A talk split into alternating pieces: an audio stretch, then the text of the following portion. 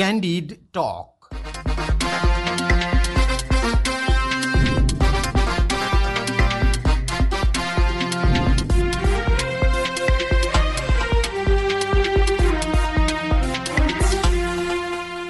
नमस्कार क्यान्डिड टकमा तपाईँलाई स्वागत छ। म धीरज बस्नेत। रेडियो क्यान्डिडको प्रस्तुति कार्यक्रम क्यान्डिड टक तपाईँले शनिबार बाहेक हरेक दिन बिहान साढे छ बजेबाट सात बजेसम्म आधा घन्टा सुन्दै आइरहनु भएको छ। समसामयिक विषयमा कुराकानी हुने यो कार्यक्रम तपाईँले काठमाडौँ उपत्यका र आसपासका जिल्लामा बयानब्बे दशमलव सात मेगाहर्जमा रेडियो क्यान्डिडको आधिकारिक फेसबुक पेजमा हाम्रो पात्रोमा रेडियो क्यान्डिडको एप्स डाउनलोड गरेर र पोडकास्टमा समेत सुन्न सक्नुहुन्छ। राजा सहितको हिन्दू राष्ट्रको एजेन्डा बोक्दै आएको राष्ट्रिय प्रजातन्त्र पार्टी राप्रपाको एकता महाधिवेशन काठमाडौँमा सुरु भएको छ। जारी महाधिवेशनले अध्यक्ष सहित एक सय सडचालिस सदस्य नयाँ कार्य समिति चयन गर्नेछ। अध्यक्ष पदका लागि वर्तमान अध्यक्ष कमल थापा र महामन्त्री राजेन्द्र लिङदेनले दावेदारी प्रस्तुत गरेका छन्। लगातार राप्रपाको अध्यक्ष रहँदै आउनुभएका कमल थापाका लागि यसपटक पुनः अध्यक्षमा दोहोरिन पहिले जस्तो सजिलो हुने छैन। किनकि थापालाई उहाँले नै पार्टीमा स्थापित गराउनु भएका नेता लिङदेनले चुनौती दिनुभएको छ। र लिङदेनलाई अध्यक्ष डाक्टर प्रकाश चन्द्र लोहनीले पनि समर्थन गर्ने घोषणा गरिसक्नु भएको छ। डबल शमशेर राणा पनि लिङदेनको पक्षमा उभिनु भएको छ। कमल थापाको पक्षमा भने दीपक बोहरा बुद्धिमान तामाङ जयन्त चन्द लगायत उभिनु भएको छ। उम्मेद्वारी घोषणाका क्रममा दुई नेताले एकले अर्कोलाई आफ्ना लागि ठाउँ खाली गरिदिन मात्रै आग्रह गरेका छैनन्। तल्लो स्तरको गाली समेत गर्न थालेका छन्। थापाले लिङदेनलाई पार्टीको भाइरस भनेर आरोप लगाउनु भएको छ भने लिङदेनले थापालाई बुढा नेताको संज्ञा दिनु भएको छ। यसै सन्दर्भमा आज हामी राप्रपाका अध्यक्ष कमल थापासँग कुराकानी गर्दैछौँ। पशुपति शमशेर राणा र डाक्टर प्रकाश चन्द्र लोहनी नयाँ पुस्तालाई नेतृत्व सुम्पिन तयार हुँदा थापा किन तयार नहुनु भएको? किन उहाँ पुनः अध्यक्षमा दोहोरिन चाहिरहनु भएको छ? करिब असम्भव जस्तो देखिएको राजतन्त्रको एजेन्डा बोकेर राप्रपा कहिलेसम्म हिँड्छ? यी र यस्तै प्रश्नमा केन्द्रित भएर हामी अध्यक्ष कमल थापासँग कुराकानी गर्दैछौँ। थापाज्यू तपाईँलाई स्वागत छ क्यान्डी टकमा। धेरै धेरै धन्यवाद महाधिवेशन सुरु भयो। अब यो महाधिवेशन सँगसँगै चुनावी प्रतिस्पर्धा पनि त्यसै गरी अघि बढ्ने देखिएको छ। तपाईँले फेरि पनि अध्यक्षमा उम्मेदवारी दिने घोषणा गरिसक्नु भएको छ। तपाईँ फेरि अध्यक्षमा चाहिँ किन दोहोरिन चाहनुहुन्छ? वास्तवमा नयाँ संविधान निर्माण भइसकेपछि राष्ट्रिय प्रजातन्त्र पार्टीलाई देशको एउटा बलियो शक्तिका रूपमा स्थापित गर्ने मेरो परिकल्पना थियो। त्यही परिकल्पना अनुसार पार्टी हामीले एकता गऱ्यौँ।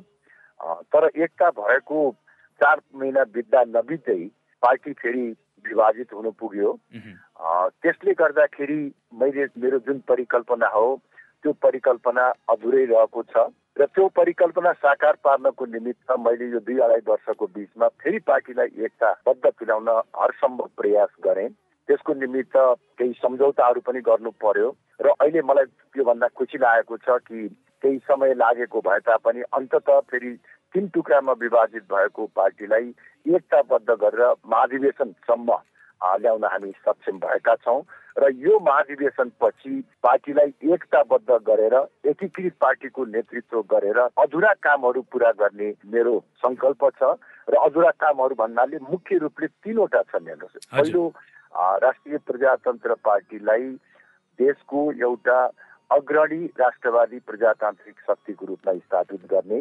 दोस्रो हिन्दू राष्ट्र र राज संस्था सहितको प्रजातन्त्रको एजेन्डालाई स्थापित गर्ने र तेस्रो देशकोमा अहिले जुन किसिमबाट बाह्य शक्तिको चलखेल र प्रभाव बढेको छ भ्रष्टाचार बढेको छ धर्म परिवर्तन बढेको छ यसका विरुद्धमा एउटा सशक्त आवाज उठाउन सक्ने शक्ति बनाउने मेरो सङ्कल्प हो। त्यही सङ्कल्प लिएर उम्मेदवारी दिएको हो। तर तपाईँले जसरी पार्टीलाई एकताबद्ध बनाउनु भयो त्यो एकताबद्ध भएको पार्टीलाई नेतृत्व गर्नका लागि त यो महाधिवेशनपछि अलिक चुनौतीपूर्ण होला कि जस्तो देखियो नि त तपाईँका लागि त।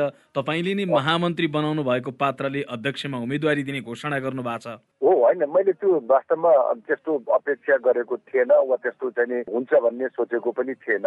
अब राजेन्द्र लिङ्गेललाई भोलिको पार्टीको उत्तराधिकारीको रूपमा मैले नै एउटा तयारी गर्दै लिएर गएको हो। तर अहिले अब अनायस अब हठात चार महिना अगाडिसम्म उहाँ पूर्ण रूपमा अब मेरो विकल्प छैन। कमल थापाले नै अब चाहिँ कमसे कम एक टर्म नेतृत्व गर्नुपर्छ भनेर भनिराख्नु भएको थियो।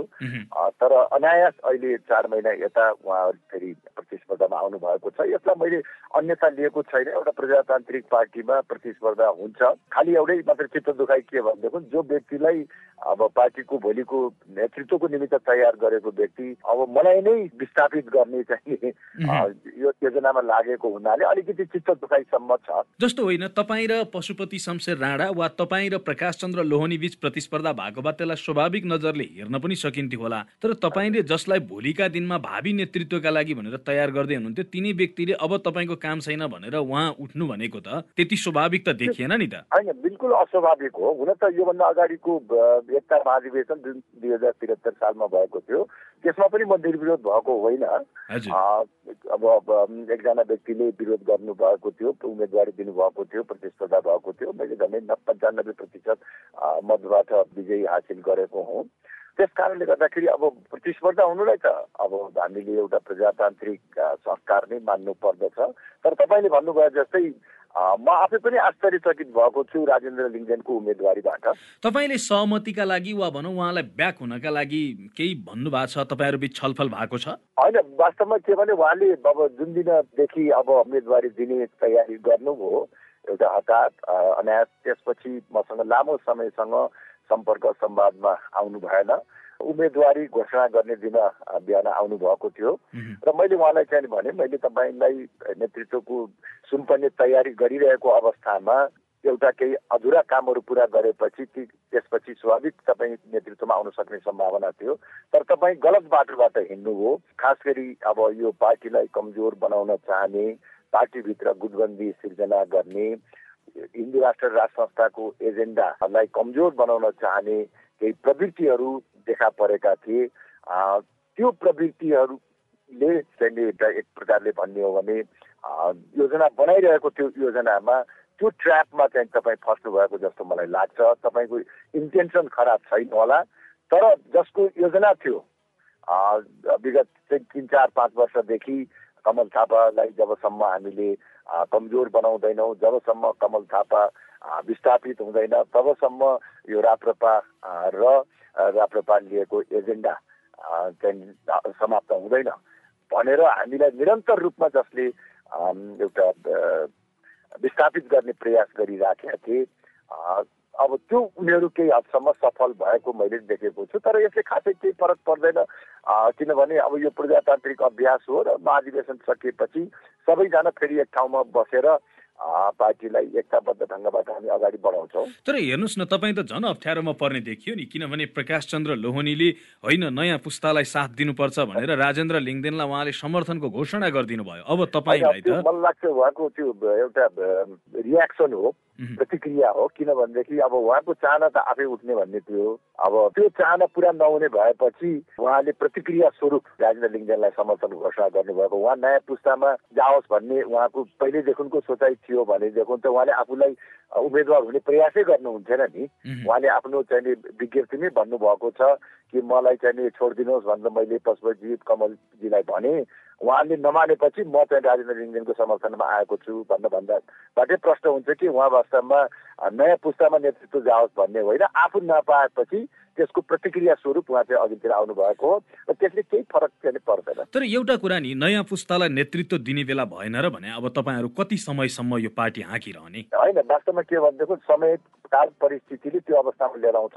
त्यसको निमित्त अब चाहिँ केही समय लाग्न सक्छ। अहिलेको अवस्थामा भनेको नयाँ पुरानो विभाजन गरेर एउटा अनिश्चित दिशामा पार्टीलाई धकेल्ने होइन। अहिलेको आवश्यकता भनेको भरपर्दो गतिशील सशक्त नेतृत्वको हो। त्यसपछि एउटा चाहिँ पार्टी चाहिँ एउटा आकार लिइसकेपछि पार्टी ट्र्याकमा आइसकेपछि मलाई लाग्छ एउटा स्वाभाविक रूपले नेतृत्व हस्तान्तरण हुँदै जान्छ र त्यो अवस्थामा पार्टीमा ढुक्क भएर पनि बस्न सकिन्छ। किन अहिले जुन किसिमको पार्टीमा सङ्कट छ एउटा कठिन अवस्थाबाट गुज्रिरहेको छौँ यो अवस्थामा हामीले जोखिम लिने काम चाहिँ गर्न सक्दैनौँ। जस्तो यो त हरेक पटक हुन्छ नि किनभने पार्टीको जीवन भनेको त यसै गरी सङ्कटबाट यस्तै अवस्थाबाट गुज्रिने हो भन्ने कुरा त तपाईँहरूले वर्षौँदेखि भोग्दै आउनु भएकै कुरा हो। अब अर्को पटक सहज हुन्छ भन्ने कुराको के ग्यारेन्टी रह्यो निश्चित रूपले सहज हुन्छ। अहिलेको भन्दा तल जान सक्ने अवस्थै छैन। अब यो वास्तवमा यो अहिले जुन अवस्थामा हामी पुगेका छौँ त्यसका केही कारणहरू छ। निर्वाचनको पूर्व सन्ध्यामा पार्टी विभाजन हुनु नेपाली काङ्ग्रेससँगको सहकार्यमा इमान्दारिता नहुनु हामीले विभिन्न सङ्घीय र प्रादेशिक क्षेत्रहरूमा उम्मेद्वार खडा नगर्नु हाम्रो बारेमा रहेका भ्रमहरूलाई निराकरण गर्न नसक्नु। यी सबै कारणले गर्दाखेरि हामीले गत चुनावमा नराम्रोसँग पराजय भोगेका हौँ। तर अब आगामी दिनमा त्यस्तो अवस्था रहँदैन। यो महाधिवेशन पछि मलाई लाग्छ ती सबै कमी कमजोरीहरूलाई सच्याएर हामी अगाडि बढ्छौँ र पार्टी मैले मेरो सङ्कल्प नै छ कि काङ्ग्रेस र कम्युनिस्ट पार्टीको हाराहारीमा राप्रपालाई पुर्याउने मेरो सङ्कल्प छ। त्यसपछि अब चाहिँ एउटा नयाँ पुस्तामा नेतृत्व जान सक्छ। त्यो भनेको दुई हजार सत्तरी सालको चुनावमा तपाईँहरूले जति सिट जित्नु भएको थियो त्यही हाराहारीमा जित्यौँ भने चाहिँ हामी सफल भयौँ भन्ने हो? अब सङ्ख्याको अब घटबड हुन सक्छ अझ त्योभन्दा माथि जाने हामीहरूको चाहिँ सोचाइ रहन्छ तर तपाईँले भन्नुभएको ठिकै हो काङ्ग्रेस र कम्युनिस्ट पछिको तेस्रो ठुलो शक्ति राप्रपा नेपाललाई हामीले बनाएका थियौँ। अब आगामी निर्वाचन पछि पनि अब हामी राप्रपालाई काङ्ग्रेस कम्युनिस्टको हाराहारीमा पुर्याउने प्रयास गर्छ। त्यही नै हाम्रो लक्ष्य हो। जस्तो गणतन्त्र स्थापना भएपछि दलहरूले के किन गर्लान् भन्ने धेरैको अपेक्षा थियो देशले एक खालको परिवर्तनको बाटो समाउला भन्ने धेरैको अपेक्षा थियो तर त्यस विपरीत दलहरूले त्यस्ता गतिविधि प्रदर्शन गर्न सकेनन्।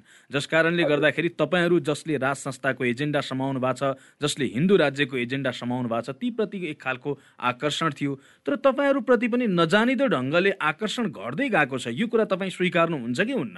होइन निश्चय पनि स्वीकार गर्दछु नि। अहिले त्यो त परिणामले देखाएको छ। तर त्यसमा केही कमी कमजोरीहरू रहे पार्टीको विचार कमजोर भएको होइन।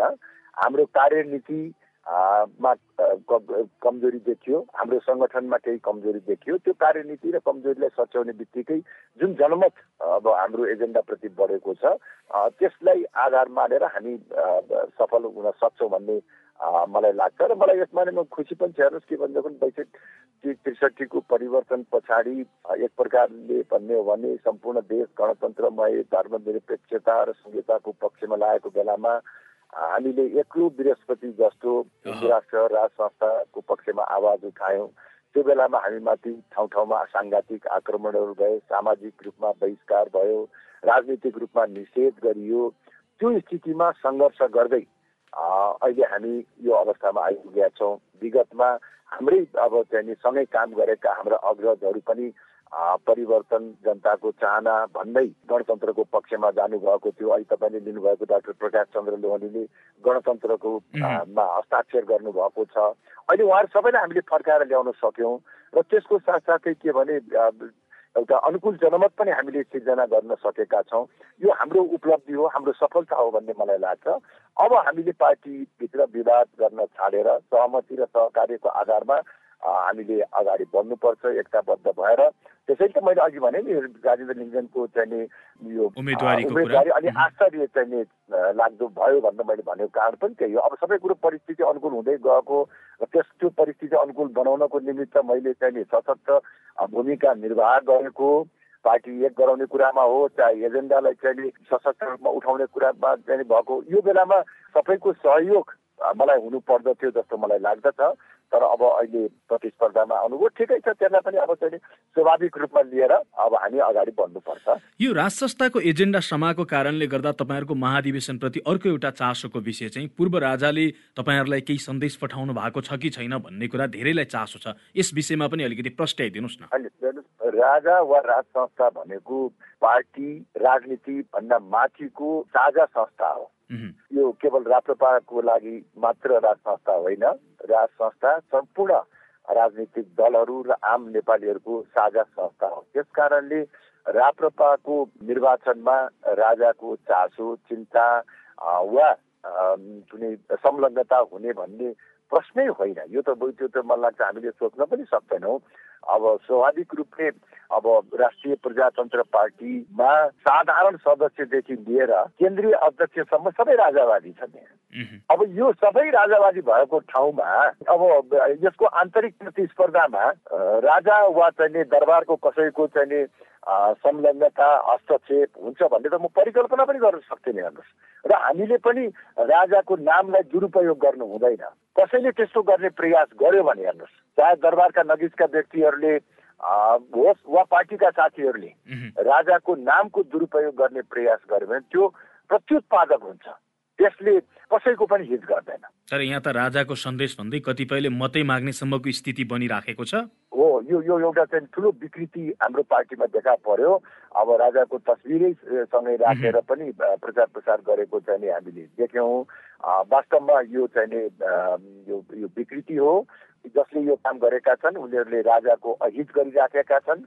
अब हामी एकातिर अब अन्य राजनैतिक दलहरूले राजालाई चुनौती दिइरहेको बेलामा चुनाव लड्न आऊ भनेर भनिरहेको बेलामा हामी त्यसको प्रतिकार गर्छौँ। राजा भनेको एउटा साझा संस्था हो राजनीतिभन्दा माथि उठ्ने संस्था हो भन्छौँ। अर्कोतर्फ हामी चाहिँ एउटा उम्मेदवारीको चाहिँ पार्टीभित्रको उम्मेदवारीमा पनि राजाको नाम भजाइरहेको स्थिति छ। आफ्नो पक्षमा ल्याएर त्यसलाई भजाउने जुन प्रयास गर्छन् यो अपरिपक्वता हो। अर्को एउटा प्रश्न नि तपाईँसँग मैले जान्न खोजेको अहिले पनि नेपालमा राज संस्था फर्किन्छ भन्ने कुरामा तपाईँहरूलाई विश्वास लाग्छ? विश्वास लागेर त हामी अगाडि बढिराखेका छौँ। त्यो खालको कहीँ कतै सिनारियो देखिँदैन कहीँ कतै हेर्नुहोस् त गणतन्त्र आएको यतिका वर्ष भइसक्यो।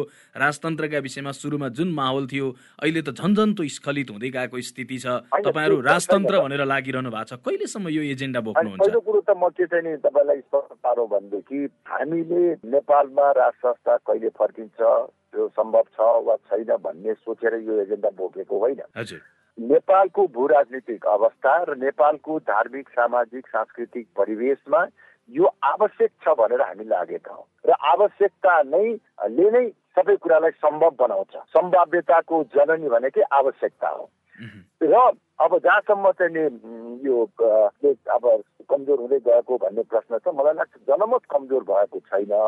त्यसको सम्भागको रूपमा रहेको राप्रपाको सङ्गठन केही कमजोर भएको हो त्यसलाई म स्वीकार गर्छु। मैले अघि पनि भने त्यसका विभिन्न कारणहरू छन् अब त्यो कारणलाई त्यो कमी कमजोरीहरूलाई सच्याएर हामीले चाहिँ अगाडि बढ्न सक्यौँ भने हामीले सफलता प्राप्त गर्न सक्छौँ। विगतमा पनि हामीले एउटा सम्मानजनक अवस्था त बनाइसकेका थियौँ नि। म तपाईँलाई सम्झना दिनौँ त्रिसठी सालमा शून्य अवस्थामा रहेको हाम्रो चाहिँ यो परिस्थितिलाई शून्यबाट संसदमा चार चारबाट पच्चिस पच्चिसबाट सैतिस पुर्याएर देशको एउटा अग्रणी शक्ति बनाइसकेका थियौँ नि।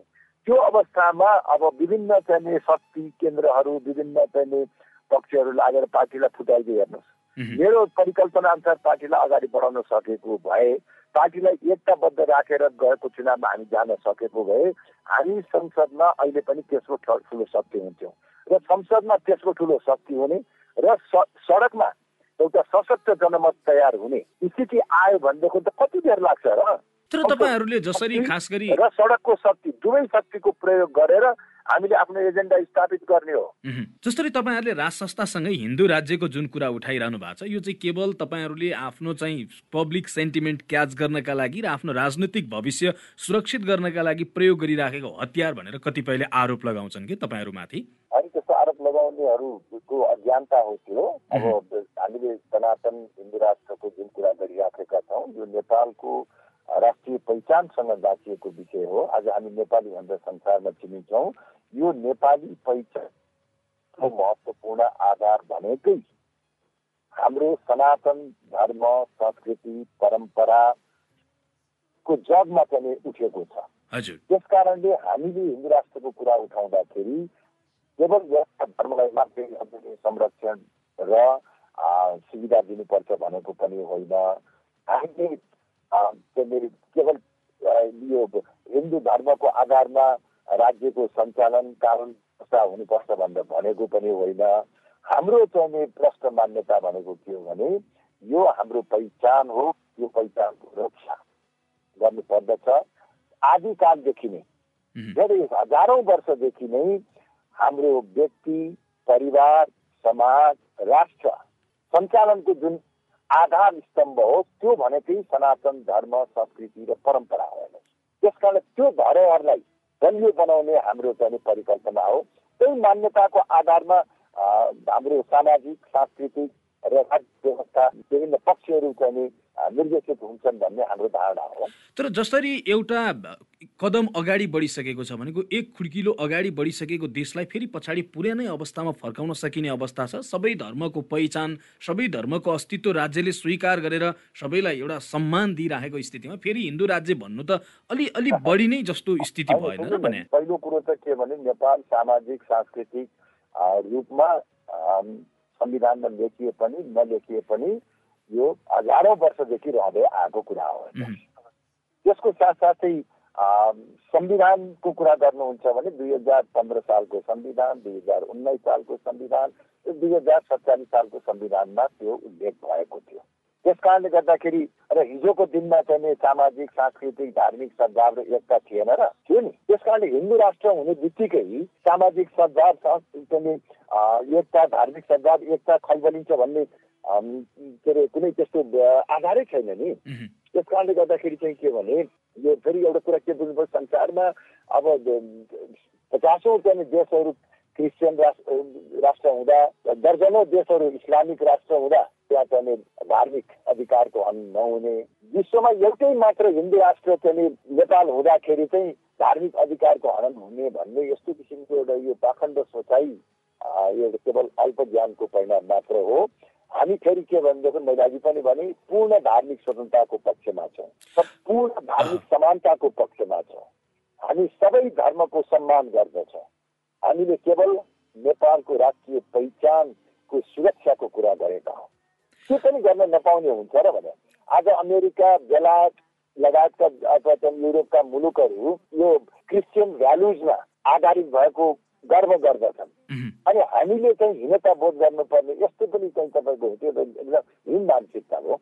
अब यो महाधिवेशनपछि तपाईँहरू कसरी अगाडि बढ्नुहुन्छ र तपाईँहरूको मुख्य रूपमा के के एजेन्डा अगाडि बढ्छन् यसलाई पनि अलिकति प्रस्ट्याइदिनुहोस् न। मेरो स्पष्ट चाहिने मार्गक्षेत्र छ यो महाधिवेशन सकिने बित्तिकै हामी हिन्दू राष्ट्र राज संस्थाको पुनर्स्थापना भ्रष्टाचार धर्म परिवर्तनको विरुद्धमा र बेरोजगारी समस्या समाधानको निमित्त देशव्यापी रूपमा जनसङ्घर्ष गर्छौँ।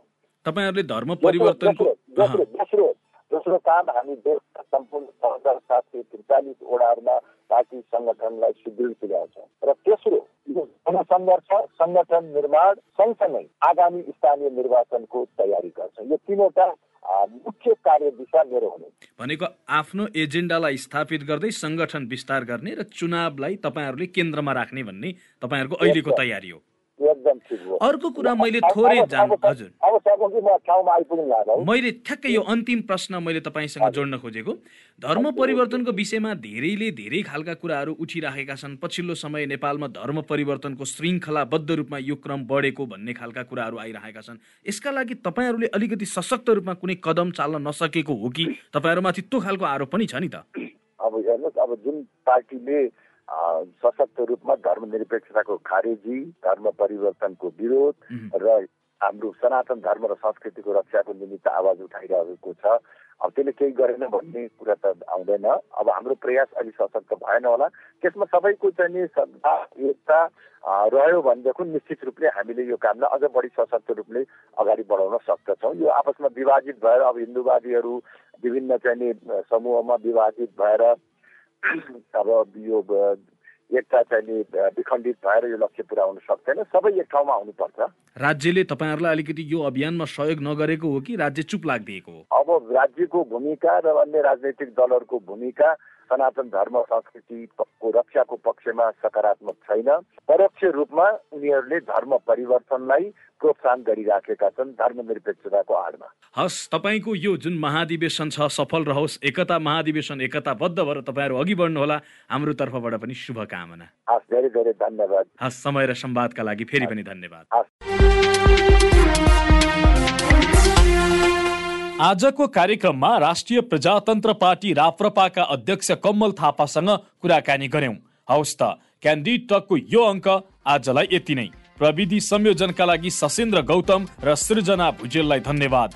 कार्यक्रमबाट म धीरज बस्नेत विदा माग्छु। रेडियो क्यान्डिड सुन्दै गर्नुहोला। नमस्कार। Candid talk.